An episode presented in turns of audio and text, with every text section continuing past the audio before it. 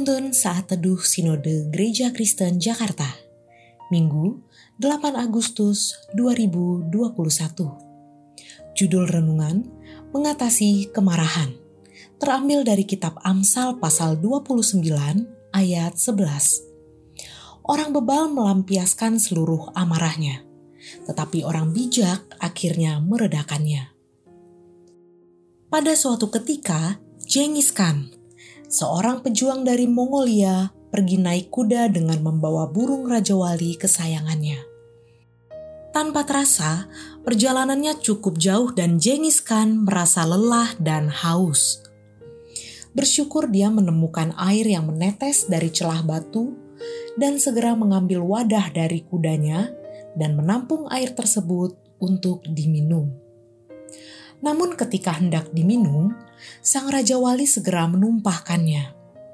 Kejadian itu terjadi berulang kali sehingga Genghis Khan menjadi naik pitam dan segera menghunus pedangnya dan seketika itu juga Raja Wali itu tewas di tangannya. Setelah kejadian itu, Genghis Khan menelusuri sumber air itu. Dan betapa terkejutnya ia ketika mendapati di aliran air itu ada bangkai ular berbisa yang sudah membusuk. Ternyata Raja Wali itu sudah tahu kalau air itu tercemar racun ular berbisa. Betapa terperanjatnya ia dan segera menyesal atas peristiwa itu. Dari cerita ini, kita dapat menyimpulkan bahwa emosi yang tidak terkendali dapat membahayakan pihak-pihak di sekitar kita. Menurut para ahli ilmu jiwa, kemarahan seseorang tidak akan hilang sampai ia melampiaskan amarahnya pada sasaran apa saja. Sesaat, seseorang bisa lupa dengan status dan identitasnya. Yang ada hanyalah luapan kemarahan yang sulit diatasi sehingga sesuatu yang tidak diinginkan dapat terjadi. Kemarahan itu diibaratkan seperti api. Api yang kecil berguna untuk berbagai hal, tetapi api yang besar bisa menghanguskan benda-benda di sekitarnya. Bahkan jika terus menyala, membakar menjadi sulit dipadamkan. Sebagaimana api perlu diredakan hingga berangsur-angsur mati, demikian juga kemarahan. Alkitab tidak melarang kita untuk marah, tetapi jangan menjadi pemarah.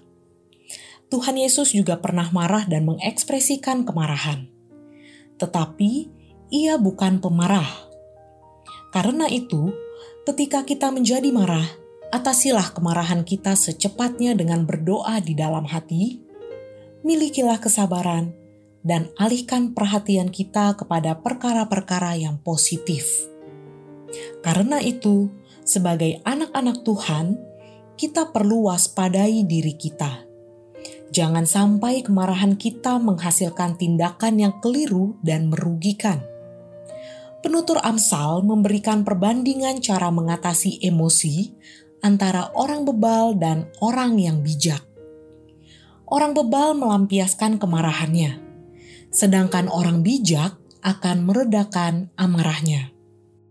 Jadi, jelas Alkitab menganjurkan kemarahan harus diredakan.